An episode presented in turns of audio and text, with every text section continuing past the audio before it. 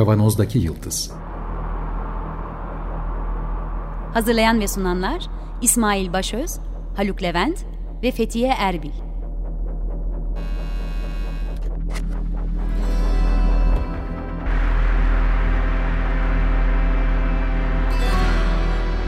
Bugünün penceresinden geleceğin ayak izleri.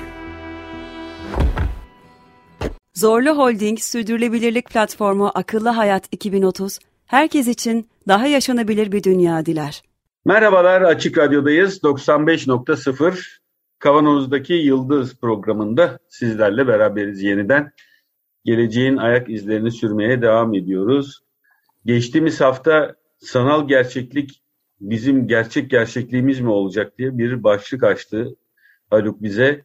Oradan buradan makaleleri okuyup kafamızı karıştırıyor. Biz de bu sefer yine geçtiğimiz hafta ismini geçirdiğimiz Fahri program ortağımız Özge Yılmaz da yeniden bunları konuşalım dedik. Özge hoş geldin. Hoş bulduk. Fethiye burada. Merhaba herkese. Haluk burada.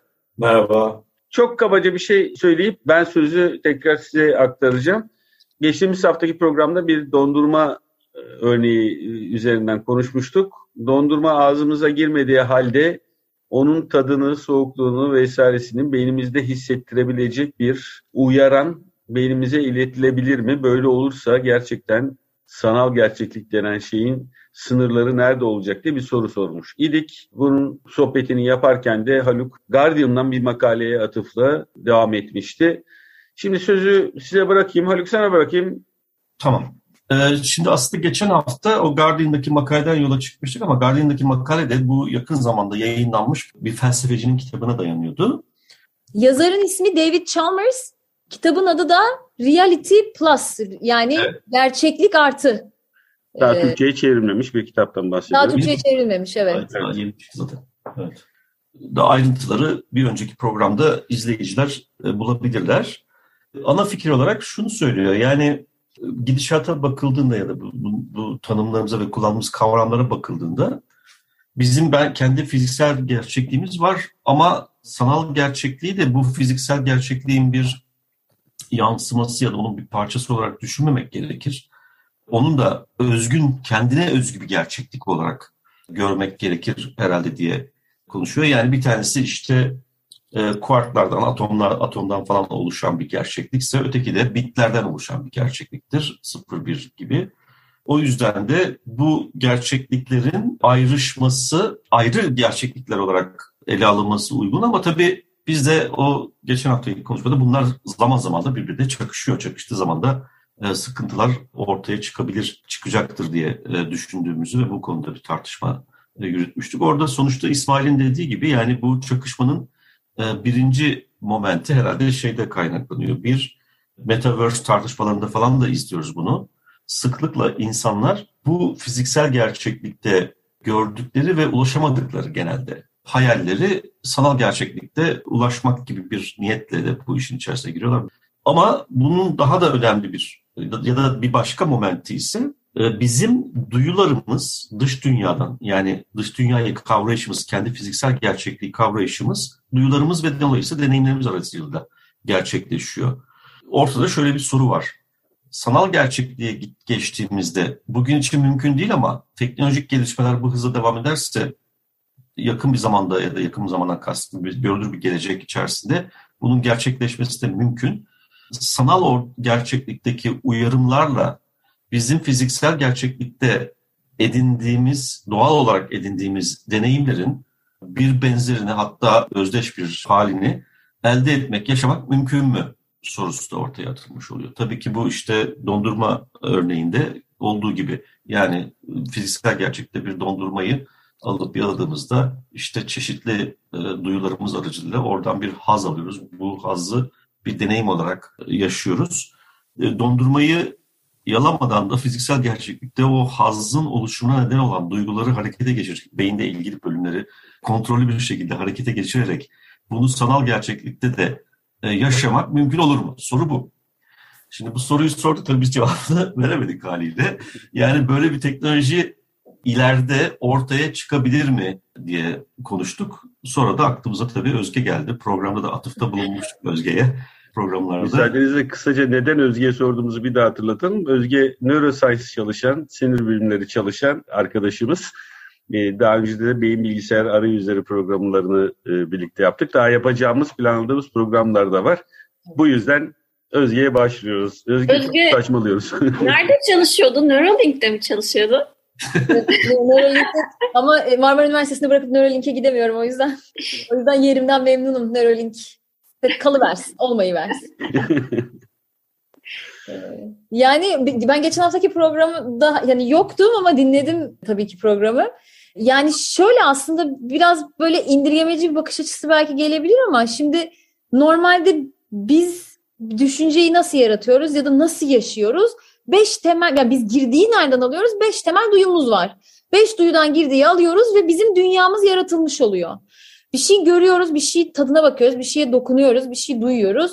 Bu beş duyudan aldığımız girdilerle bizim bir dünyamız yaratılmış oluyor. Şimdi burada aslında felsefi bir sürü soru var ve bir sürü insan bunların üstüne kafa patlatıyor. Şimdi yeni çıkacak bu metaverse'te, multiverse'te artık hani nasıl Türkçesi neydi hocam onun? Öte evren. Ha, yeni çıkacak öte evrende beş duyuyu biz beyinde uyarılım şeklinde, girdi şeklinde yarattığımız anda şu anki var olan dünyayı yaratmış oluyoruz zaten aslında. Yani dediğim gibi biraz indirgemeci gelebilir kulağa ama gördüğümü, duyduğumu, kokladığımı beyinde yaratabildiğimiz anda bunu. Şimdi transdüksiyon diye bir şey var. Bir sinyalin bir enerji çeşidinin başka bir enerji çeşidine dönüştürülmesi. Yani koku nedir? Aslında kimyasal bir bir şeydir. Yani o molekülünden aldığınız bilgi ya da görme ışık geliyor. O sonra optik sinire bağlanırken elektrik akımına dönüştürülüyor. Yani enerjinin dönüştürülmesi söz konusu beyinde. Yani ses de hakeza aynı şekilde ses dalgaları geliyor. işte titreştiriyor kulağın içindeki mekanizmaları. O titreşim ses sinirinde bir elektrik akımı oluşturuyor. Yani elektriksel bir sinyale dönüştürüyor. Bu transdüksiyon. Ve siz gerçeklikte öyle bir ses dalgası olmasa bile sesle ilgili o optik ya da işte işitsel sinire o uyarılımı verdiğiniz anda beyin zaten öyle bir sesin varlığını gerçek olarak algılayacak. Ee, yani, yalnız bir söylediği şeyin altını çizmek istiyorum gerçekten. Beynimiz ışığı ya da sesi alıp proses etmiyor. Evet. Ona ulaştırılan sinirler vasıtasıyla ulaştırılan elektrik dalgalarını proses ediyor. Yani gözde, kulakta, deride ilk karşılaşılan işte sesle, ışıkla ilk karşılaşılan yerdeki işlemden sonra senin söylediğin altını çizmek için söylüyorum. Beynin kendi işleme merkezine sadece elektrik dalgaları gidiyor. Ben de o zaman bir araya gireyim. Ben şimdi doğru anladıysam şunu diyoruz. Bizim bu beş duyu bizim dışımızdaki maddi gerçeklikten elde ettiği sinyalleri bir elektrik akımına dönüştürüyor. Kimyasal bir süreç yaşanıyor. Onu tam olarak bilemiyorum. Elektrokimyasal diyelim. elektrokimyasal bir şey. Bunu proses ediyor. Ondan sonrasını pek bilmiyoruz zaten değil mi? Yani bu prosesten e, ne bileyim işte aklı, zekayı, şunu bunu falan nasıl gerçekleşiyor? O nöronların kendi aralarındaki iletişimden böyle bir şey nasıl ortaya çıkıyor? Çok şükür henüz onu bilmiyoruz. Ama sonuç itibariyle bir maddi gerçeklik var. Bu maddi gerçekliğin bizim algılarımızla, bizim temel beş duyumuzla elde ettiğimiz bir algısı var. Bu algıyı da proses edebilmek için onun bir, bir sinyallere dönüştürdüğünü e, söylüyoruz. Şimdi o zaman burada iki tane mesele var. Bir, bir kere bizim dış dünyayı kavramımız bu beş duyuyla sınırlı. Yani bir sınırsız kavrayış söz konusu değil. Artık dayanamayacağım. Altıyı ekliyorum ben diğer altı. programlarda. Bedenin altı içindeki değil. mekanoreseptörlerden gelen. Ben bunu altı evet, demeye altı başladım artık. Neyse 66 değil ama altı tane. evet. Yani, e, bir, bir sınır var. E, birincisi bu. İkincisi bu dönüşüm sürecine bizi daha çok ilgilendiren kısmı o. E, bu dönüşüm sürecine veya dönüştükten sonra yani beynin bu sinyalleri işlemeye başlamadan hemen öncesinde suni olarak yani böyle bir maddi gerçeklik olmadığı halde buraya müdahale etmek mümkün mü? Teknolojik olarak ve teknik olarak. Eğer te böyle bir teknoloji yoksa teorik olarak böyle bir şey mümkün mü?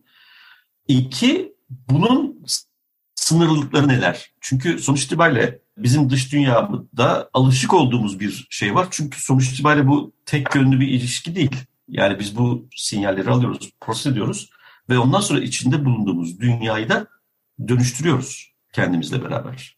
Reaksiyon gösteriyoruz. Dolay evet, reaksiyon. Dolayısıyla o maddi gerçeklikle bizim kurduğumuz ilişkinin gerçek bir ilişki olduğuna dair bir şey var. Yani bir simülasyon olsaydı belki onu o kadar kolay yapamayacaktık. Çünkü bu inanılmaz büyük bir enerji gerektirir. Bir, çünkü tahmin etmenin, etmenin imkanı dahilinde olmadığı kadar büyük bir e, bilgi ve enformasyon noktasını koordineli bir şekilde yapacak, edecek, kontrol edecek bir program falan yani. Birinci şu soruyla an, başlayalım Haluk. Banyo sınırlarımızı aşıyor. Evet, birinci soruyla başlayalım. Mümkün mü? Teorik olarak aslında mümkün. Ama dediğiniz gibi yani pratikte hani tek taraflı olsa yine biraz daha kolay belki. Ama e, neyi hani, kastettin tek taraflı derken Özge? Yani hani benim algılamam, benim yaşamam. Yani tek taraflı derken benim mesela işte bu virtual reality'de, sanal gerçeklikte gördüğüm, duyduğum şeyler gibi bir şey görmem, bir şey duymam, bir kokunun gelmesi.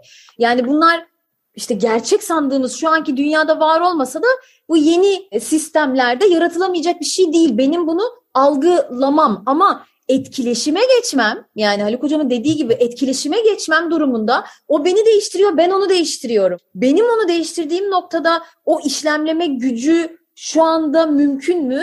Bence değil. Ama bu nasıl yani, teknik olarak nasıl mümkün? Bir önce onu bize anlatır mısın? Ee, daha önceki programlarda beynin kendi uyarılarını okuyup bir makineye komut verebildiğini konuşmuştuk. Evet. Ee, şimdi bunun tersin gibi bir şeyi söylüyoruz. Tam da tersi diyemem ama evet. beyine dışarıdan uyarı verip de olmayan Hı. bir şeyi hissediyor e, olma şansı teknik olarak mümkün mü? Ya da nasıl mümkün? Şimdi şöyle anlatayım onu. Beyin bilgisayar arayüzlerinin aslında iki, iki tarzı var, iki çeşidi var. Biri İngilizcesini söyleyeceğim, Türkçesi ikisi de aynı kelime ama şey toparlarım. Ee, biri decoding, biri encoding. Decoding dediğimiz şey aslında çözümleme, kodu kod çözme, kod açma olarak e, çevriliyor. Yani EEG ile ya da herhangi bir beyin görüntüleme sistemiyle benim beynimin içindeki niyeti okumak ya da beyin dalgalarımı okumak gibi. Yani bunu ben dekod ediyorum beyinden, çözümlüyorum o dalgaları. Ya da encoding diye bir şey var. Encoding de işin tam tersi. Beynime bir bir, bir, bir program yüklüyormuşum gibi düşünebiliriz. Şimdi işin daha böyle tricky yani biraz daha alengirli tarafı orası o encoding tarafı. Şimdi bununla ilgili bir iki örnek vereyim konudan böyle çok da uzaklaşmadan. Çok özür Mesela, dilerim. Program yüklüyormuş gibi dedin de program yükleme değil. En fazla yine elektriksel uyaranlarla bir uyarı gönderiyor olma halinden bahsediyorsun değil mi yani? Öğretmeden bahsediyorum. Öğretmeden nöronlara, nöro, nöronlara yeni bir şey öğretmeden bahsediyorum. Yeni bir ha. şey kodlamaktan bahsediyorum aslında. Ama teknolojiyle. Mesela bir robot kol var böyle öyle çalışmalar var. Bir böyle birinin beline şöyle ortadan çıkan bir robot kol bağlamışlar. İki kolum var, bir de ortada bir kolum daha var robot kol. Bu robot kolu benim beynimin belli bir bölgesindeki belli bir sinyale bağlamışlar. Ve ben o sinyali aktive ettiğim zaman bu robot kolu gayet üçüncü kolum gibi kullanıyorum. Ve beyin bunu bir süre sonra öğreniyor. Ama bir yandan tabii orada çok fazla hani şimdi bu hemen böyleymiş gibi algılanmasın da şu anda çok böyle primitif çalışmalar bunlar. Ee, çok e, gelişmesi gereken şeyler ve mümkün mü o da hala tartışılıyor. Çünkü beynim beynimizin kullanmadığımız bir yeri de yok. Yani ay burası boşmuş. Ben buraya bir yeni bir kol kodlayayım diye bir şey de yok. Yani bir yerin fonksiyonunu alıp başka bir şeye eklemek gibi. Yani burada yine başka bir çalışmaya geçiş yapacağım. Görme engelli insanlarda yapılmış çok önemli bir çalışma var ve çok ses getirmişti. Görme engelli insanların diliyle görmesini sağladıkları bir şey yaptılar. Böyle dil kadar bir elektrot düzeneyi düşünün. Nokta nokta nokta nokta bir sürü elektrot var. Onu diline böyle oturtuyor, yapıştırıyor. Böyle incecik bir şey yani. Bir jelatin gibi bir şey. Diline onu yapıştırıyor ve bir gözlük var bu kişide. Gözlüğün üstünde de kameralar var. Bu kameralar görüntüyü alıyor. Yani ben şu anda tam karşıya bakıyorum. Bir fokus odak noktam var. Çevredeki şeyleri görüyorum kamera aynı bu görüntüyü alıyor ve bu görüntüyü çözünürlüğünü hatırlamıyorum şimdi. Yani çözünürlük dilimdeki elektrot sayısı kadar bunu piksel piksel siyah beyaz bir görüntü gibi dilime ufak elektriksel sinyaller olarak veriyor. Yani ne demeye çalışıyorum? Mesela burada önümde bir eşya var. Bu eşya siyah beyaz bir şey olduğunu düşündüğünüz zaman daha koyu renk çıkıyor. E, yandaki boşluk daha açık renk çıkıyor. Şimdi daha koyu renk olan yerlere daha güçlü elektriksel e, e, intensitesi daha güçlü bir elektriksel sinyal veriyor dilimin üstündeki o elektroda. Yanındaki boşluk alan daha zayıf. Ve görme engelli bu sistemi kullanan insanlar çok hızlı bir şekilde önlerindeki engelleri dilleriyle görmeye başlıyorlar. Yani beynin dil bölgesi bunu çok hızlı bir şekilde öğreniyor. İşte bu encoding. Yeni bir şeyi beyne yükleme gibi, ekleme gibi. Yani Burada yine de beynin eğitilmesi gereken bir süre var değil mi? Yani e, hızlı da desen işte hemen takar takmaz bunu görme olarak algılama ihtimali yok. Oradaki nöron ağının yeniden Aynen inşa öyle. edilmesi gerekiyor tabii ki. Aynen öyle. Bu zaman alıyor. Kişiden kişiye de değişiyor. Bir kişi o, bir, bir ayda şey öğreniyor. O kontrollü mü yoksa beynin kendi iç mekanizması içinde mi halloluyor? Öğrenme. Nasıl? Anlamadım. Öğren, öğrenme süreci. Hı hı. Yani bu bir bir bir tür yama yüklemek gibi bir şey değil mi? Bir yama yüklüyorsun. O içinde evet. ne varsa onu yapıyor. İşte bu şu sinyali şöyle işleyeceksin, bu sinyali böyle işleyeceksin. Burada e, bu beynin öğrenme sürecine dışarıdan tamamen müdahale mi ediyor yoksa bu beyinle bir şekilde tanıştırılıyor. Ondan sonra o kendi beynin kendi iç işleyişi çerçevesinde mi gerçekleşiyor? Tanıştırılıyor ve beyin onu kendisi öğreniyor. Yani bu bir şey yani aslında ödül ceza sistemi gibi bir şey de düşünebiliriz burada. Bu bir öğrenme, temel bir operant öğrenme çeşidi gibi bu. Yani önündeki artık önündeki engelleri görebilir oluyor ve çok daha hızlı hareket edebilir oluyor vesaire. Orada bir belki ödül mekanizması da işin içine girdiği için de ama zaten beyin hep söylediğimiz bir şey var zaten yani hani her programda da söylüyoruz. Beyin ne kadar plastik bir yapı olduğu için yani bu kadar plastik bir yapı olduğu için şeyden bağımsız siz bir yerin ne kadar uzun süre ve ne kadar güçlü bir şekilde uyarırsanız o beyin bölgesi gelişiyor. Öğrenme bu yani hafıza bu evet. aynı zamanda. Mesela işte e, yapılan önemli, önemli ilk dönemlerde yapılan çalışmalardan bir tanesi buz pateni yapan elit sporcuları almışlar ve ayak ve bacakla ilgili beyin bölgesi muhtemelen yani işte tabii kendi beynimle karşılaştırayım. Benim bacakla ilgili beyin bölgemden 3 kat daha büyük. Çünkü çalıştıra çalıştıra e, o beyin bölgesi haliyle daha büyük bir alan kaplar oluyor yani plastistesinden kaynaklı. O yüzden biz beynimize bir şey enkod etmemiz yani bir, bir şey yüklememiz, yeni bir bilgiyi, yeni bir şey yüklememiz imkansız değil. Bunu zaten beyninde yaptığı bir şey bir yandan. Ama işte bu e, öte öte evren miydi? Yani öte evrende bir takım algılar yaratıp onun üstüne hani sadece beş duyumuzun dışında da bir şeyler gerçekleştirmek bana biraz ütopik geliyor açıkçası. Yani bir de bunun tabii zorluğu şey sürekli olarak yapmak ve sürekli ve sistemli birbiriyle ilişkili senin tepkilerini de alıp o tepkilerin de doğru bir şekilde tekrar geri yansıması yani hani öyle bir e, şey yapılacaksa evet. simülasyon bütün bunların yapılabiliyor olması lazım ki bu yani, çok imkansız bir şey. Bu sistemler bug yani velev ki yaptılar bence buglarla dolu olacak zaten. Burada bir önümde bir tane mesela Metaverse'de ben bakıyorum. Önümde bir bardak var. O bardağı almaya çalışacağım ama elim içinden geçiyor olacak böyle habire. Şu anda gerçek dünyada öyle bir şey yok ki. Bu bardağı ben böyle gayet güzel evet. tutuyorum şimdi. Ama orada hani tutamayacağım. Sinirlerim bozulacak. Psikolojim bozulacak sanal bir psikoloji var ayrıca orada yani. Şu olabilir mi? Mesela eldiven ve sensörlerle beyine bunu hissettirmek söz konusu olabilir mi? Yani bir eldiven var. Bardağı aldığımız zaman tuttuğumuzdaki basınç hissini en azından basınç hissini o sensörler vasıtasıyla beyine iletip bir önce bahsettiğimiz prensiplerden yola çıkarak beyin sanki elini basınçlı bir şeyle sıkıyormuş gibi hissedebilir mi?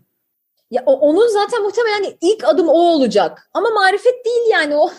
asıl marifet, asıl marifet bence beynin içinde bunu yaratmak. Yani dışarıdan benim var olan hani yani şey gibi şey gibi düşünüyorum. Asıl marifet gerçekten o Matrix'teki gibi belki benim beynimi vücudumdan ayır, başka bir yere koy.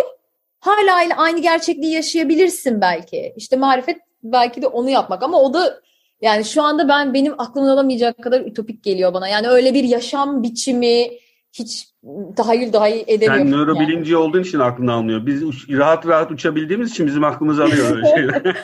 yani Yok aslında... ben de benim de aklım almıyor çünkü bunu yani hem programlama açısından çok ciddi problemleri var hem de enerji ihtiyacı. Yani öyle bir enerjiyi sağlayacak kaynak yok.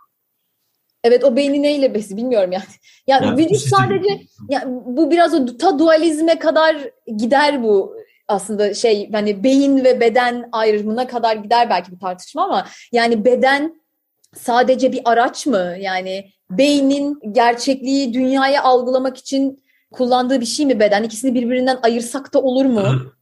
Bilmiyorum. Yani bunlar o kadar o kadar basit değil. Yani o Kaufman'ın daha önce burada başka programlarda sözünü etmiştim.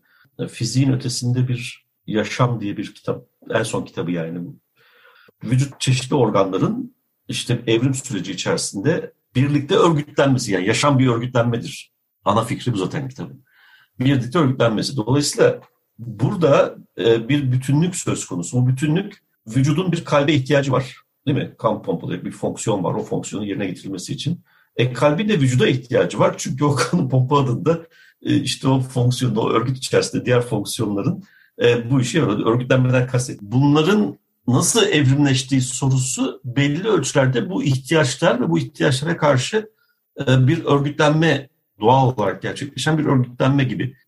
Sen bir şey söyleyeceksin galiba İsmail ondan sonra ben bir, başka... Bir sorum daha var. Neuralink'ten bahsetmiştik. Onun kafatasına yamaladığı ve içeriye birçok elektrot bıraktığı bir uygulamasından bahsetmiştik. Bu değişik şekillerde Elon Musk'tan önce de çok fazla insanın yaptığı hatta birçok yerde çok daha ciddi bir şekilde çalışıldığı bir süreç. Peki bu elektrotlarla senin biraz önce söylediği şey vardı ya Özge'ye. Direkt beyne bunu hissettirebilmek. Yani eldeki eldivene değil de direkt beyne hissettirebilmek. Bu elektrotlarla o hissi orada sonucunda kimyasal bir şey, elektrokimyasal bir şey oluşuyor beyinde. İşte ne dedik? Dondurmadan bahsettik. Soğuk, şeker tadı, işte kokusu. Bu elektrotlarla bunu yapabilmek teorik olarak mümkün mü? Yani aslında orada biraz yapay bir beyin, bir beyin daha üretmek gibi. Yani bir iki yere onu koymakla o iş çalışacak mı ben emin değilim. Bir şey çalıştırırsın da gerçekten şu anda buradaki gibi olur mu ondan çok emin değilim ben. E, çünkü öyle bir network ki beyin. Aslında beyin böyle hani merkezler var. Bu merkezlerden çalışıyor gibi değil. Konektom diye bir şey var beyinde. Yani beyinde asıl işi yapan şey nöronal ağlar spesifik olarak beyin bölgeleri değil, anatomik olarak belli regionlar, belli bölgeler değil. Bunların arasındaki bu yollar, bu e, bağlantılar aslında bize yani beyin, beyin böyle çalışıyor. Bu konektomla birbirine bağlı bu nöronal ağlarla çalışıyor. O yüzden gidip tek bir beyin bölgesini uyarmak evet bir şey yaratacaktır illaki ama gerçek bir gerçeklik yani o ne demekse neyse e, gerçek bir gerçeklik yaratmak için gerçekten bence bir beyin daha yapmanız gerekiyor. Tek bir bölgeyi uyararak olmaz o iş. Ee, evet, evet bu bu bu hafta lazım. Yani aydınlandığım nokta burası. Gerçekten birkaç tek ya da boş ver bin tane bölgeye uyarsan gene olma ihtimali zayıf. Çünkü evet. çok büyük bir nöron ağı organizasyonları var. Burada sayıyla vesaireyle ilgili bir olay değil. Onların o konektom diye de söylediğin o nöron ağlarını birlikte kurdukları değişik organizasyon. Biri koku için bir araya gelen bir kombinasyon var. Öbürü soğukluk için bir araya gelen bir kombinasyon. Bu kadar ayrı da değil. Benim söylediğim gibi ayrı da değil. Anlamak için ayrı ayrı konuşuyoruz, anlatıyoruz. Evet. bunların hepsinin iç içe girip de çalıştığını, üstelik de deneyimlerle şekillendiğini de düşünürsek bunların hepsinin, yani sadece biyolojik değil, yaşadığımız hayattaki deneyimlerle de şekillendiğini düşünürsek, birkaç elektrotla uyarılması hakikaten çok akıl kâr değil. Yani bir, bir de bir de bu şey de e, söz konusu burada e, probabilistik olasılık temelli bir durumda var burada. Yani o konektonların nasıl bağlanacağına bağlı olarak ortaya çıkabilecek evet.